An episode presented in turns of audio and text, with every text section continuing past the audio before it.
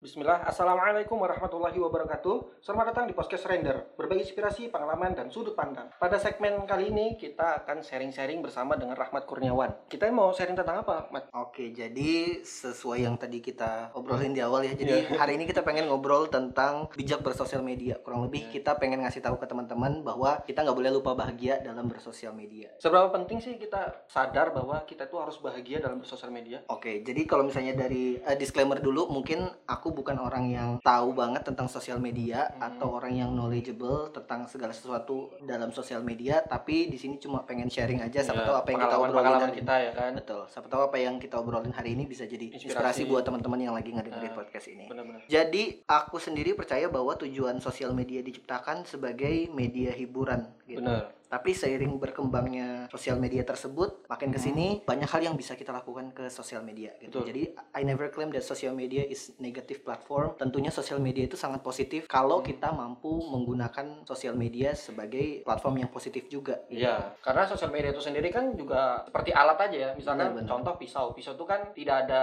positifnya, tidak ada negatifnya. Hmm. Tergantung bagaimana pisau itu digunakan. Misalkan dia memotong daging, ya akhirnya dia jadi positif, bisa untuk Betul. makan. Nah, kalau dia untuk melukai orang lain, akhirnya dia jadi negatif. Mm-mm. Mungkin seperti itu ya sosial media ya. Betul, konteksnya dependable on subjeknya gitu. Iya, Jadi siapa yang melakukan. Makanya di sini kita pengen sharing kalau misalnya dulu aku pribadi pernah punya pengalaman sosial media justru jadi toksik banget gitu kan. Karena satu, kita sering banget ngebandingin diri kita sama orang lain di bener, sosial bener. media. Kadang-kadang kita lihat teman kita, wih ini udah sarjana aja, Bener, ini bener. udah beli rumah, wih, ini Bener, udah bener. beli mobil gitu ya. Udah jalan-jalan ke sana ke sini gitu. Bener-bener. Kita ngerasa kita nggak cukup baik. Kita ngerasa oh orang lain punya hidup yang jauh lebih baik daripada kita. Dia lebih pintar, dia lebih ganteng misalnya Iya. atau dia lebih cantik, dia lebih punya penghasilan yang lebih gitu. Somehow mungkin kalau misalnya we take that as motivation it will be a good thing for us. Tapi kalau misalnya kita melihat itu sebagai suatu ancaman buat kita, itu Hmm. justru jadi negatif gitu. Satu ancaman, dua kita membandingkan diri kita dengan orang lain dan juga tiga kita lupa bahwa fokusnya adalah tetap ke diri kita sendiri Iya betul. dengan kita melihat orang lain sebagai ancaman terlebih dari sosial media tadi itu juga nggak akan membawa kita ke mana-mana itu nggak akan merubah hidup kita juga gitu kan jadi jangan sampai sosial media yang justru di luar sana banyak orang menjadikan sosial eh, media sebagai ladang penghasilan Iya. kita justru jadikan sosial media toksik buat hidup kita gitu Iya. dan nggak membuat kita jadi berkembang akhirnya kita jadi nggak ke mana-mana ya karena Benar. kita sibuk melihat dari postingan-postingan orang lain. Benar. sebenarnya menurut aku juga sih agak eh, gimana ya aku pernah dapat sebuah nasihat yang menurut aku itu bagus banget. Jadi nasihatnya gini kita itu kan nggak sepakat berlomba. Benar-benar tapi kenapa kalau kita merasa tertinggal? Kita tidak bersepakat berlomba di dalam titik yang sama tapi ketika dia mendapat pencapaian dapat meraih sesuatu kita merasa sudah tertinggal jauh. Padahal kita itu di dalam track kita masing-masing Benar. ya kan? kita dalam kehidupan kita masing-masing kita dalam pencapaian kita sendiri kita dalam uh, usaha kita sendiri yang tidak ada hubungannya dengan orang lain. Tapi bisa jadi kalau mau positifnya pencapaian-pencapaian orang lain itu kita jadikan sebagai motivasi Hmm. trigger kita untuk berlaku lebih baik benar-benar dan juga memang nggak nggak semua yang diupload di sosial media orang-orang itu adalah hal yang terjadi Iya. realnya gitu kan pure itu kehidupannya Memang. 24 jam gitu ya dan aku yakin semua orang juga apa yang diupload di sosial media adalah highlight yang ada di hidupnya gitu kan iya benar pasti semua dari kita pengen ngupload sesuatu yang baik dari kita Iya, gitu yang membahagiakan gitu bener kan. nggak mungkin prosesnya kita lagi dia lagi susah atau dia lagi ke sana kemari ngutang dan lain-lain Iya. dia bakal upload di sosial media gitu jadi kita jangan membandingkan diri kita dalam kehidupan nyata dengan diri orang lain di sosial media karena nggak akan imbang gitu Iya benar, karena mungkin ya kehidupan kita kan 24 jam berlangsung. Benar, benar. Baru kita bandingkan dengan beberapa menit orang bikin video atau beberapa detik orang upload foto Hmm. gitu kan. Wih, asik nih bahagia. Nggak tahu dia di belakangnya berdarah-darah gitu ya. Benar, benar. Nah, itulah yang kadang-kadang kita itu lupa ya. Akhirnya kita mengorbankan fokus kita, mengorbankan kebahagiaan kita hanya untuk membandingkan diri dengan orang lain. Bisa nggak sih hal itu kita tangani itu gimana? Pengalamanmu Hmm. sendiri kan kamu pernah membandingkan Oke. diri dengan orang lain. Hmm. Kamu menanganinya gimana? ya jadi sedikit cerita dulu tahun 2000 aku nggak ingat persis bulannya kapan tapi tahun 2000 2001. 18 95 satu tahun sebelum saya lahir pak tahun 2018 kalau nggak salah. itu saya sempat vakum dari sosial media hampir beberapa bulan. Sesekali buka sosial media tapi itu cuma ngeliat message doang gitu atau misalnya upload doang gitu. Nggak scrolling. Karena menurut aku yang jadi toksiknya itu kalau kita scrolling insta story Iya, scrolling tanpa tujuan ya. feed tanpa Scroll, tujuan. scroll scroll buang-buang waktu banget dan Posting kita nggak dapat apa-apa setelah itu. Mungkin yang susah untuk memulai itu karena kita takut ketinggalan sama orang lain gitu kan. Iya, Kita takut nggak bener, takut nggak dapat informasi atau ilmu terbaru gitu. Iya. Padahal ternyata waktu tahun 2018 aku nyoba untuk nggak buka Yang kita juga nggak sempat, ada yang berubah. sempat mengira kamu meninggal itu ya.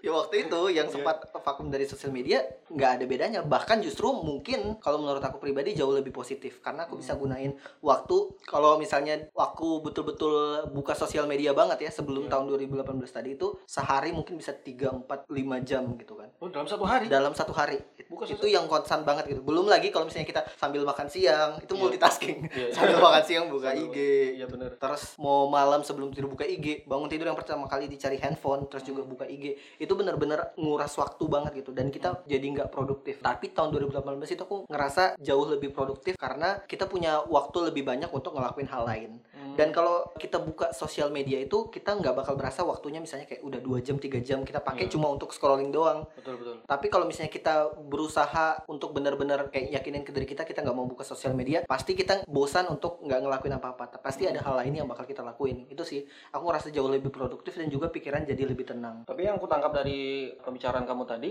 ketika kita sudah memutuskan untuk vakum sementara dalam sosial media, kita juga harus menetapkan rencana dulu ya. betul betul. Kadang-kadang kan kita apa ya buru-buru untuk berhenti dari sosial media, akhirnya kita nggak punya kegiatan, kembali lagi. kegoda lagi ya nggak sih? Nah tapi teman-teman itu salah satu cara aja ya, Hmm, salah satu cara bagaimana sih kita menangani penggunaan sosial yang berlebihan hingga akhirnya berdampak pada kesehatan mental kita. betul Jadi kesehatan mental.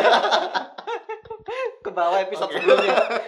ke bawah pada kebahagiaan diri kita yang akhirnya. tapi kita- untuk sekarang aku juga sudah kembali buka sosial media tapi mungkin setelah vakum tadi gitu Mm-mm. ibarat kata aku namain itu sebagai detox aja gitu waktu itu Hmm. pas sudah kembali aku nggak yang ketergantungan itu sama sosial media Mm-mm. memang untuk pekerjaan untuk sesuatu yang menghasilkan aja gitu jadi kalau misalnya kayak scrolling itu udah udah jarang terarah lah ya, Ah. lebih terarah. lebih tahu akun-akun mana yang harus aku lihat gitu dan nggak nggak setiap hari scrolling instastory dan lain-lain gitu dia lebih lebih lebih, lebih positif sih Lebih hasilnya lebih banyak mengatur waktu kapan kita harus bersosial Benar, media gitu ya. karena sayang juga kalau misalnya kita betul-betul melewatkan gitu kan informasi-informasi yang penting gitu kan Hmm. tapi memang harus difilter harus dipilih mana yang kira-kira menguntungkan buat kita gitu kan Dan aku pernah juga baca sebuah artikel di mana kalau kita scrolling scrolling secara random itu, Hmm. itu juga berdampak pada lelahnya otak. Karena lelahnya otak, akhirnya otak kita itu tidak mampu untuk bekerja secara maksimal. Hmm. Jadi kan kadang-kadang pasti kita pernah ngalamin ya, misalkan kita scrolling cerita tentang orang yang bahagia, nah, akhirnya kita ikut bahagia. Benar. Misalkan ikut bahagia sementara lah ya. Terus tuh kita juga membaca di bawahnya lagi kita scroll, kita lihat lagi orang yang sedih. Nah akhirnya kita mood switch yang terlalu cepat Hmm. ini mengakibatkan otak yang lelah. Hingga akhirnya otak kita itu, ya di dalam artikel yang aku baca itu ya akhirnya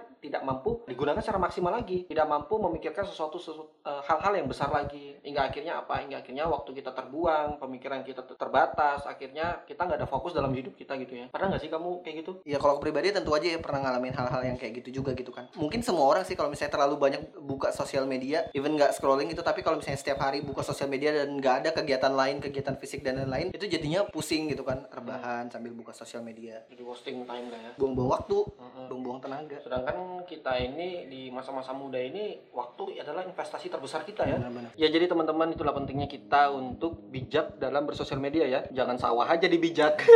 Kamu kan ketawa. Karena tadi sebelum direkam udah ada jokesnya. Ya jadi teman-teman itulah pentingnya kita bijak dalam bersosial media.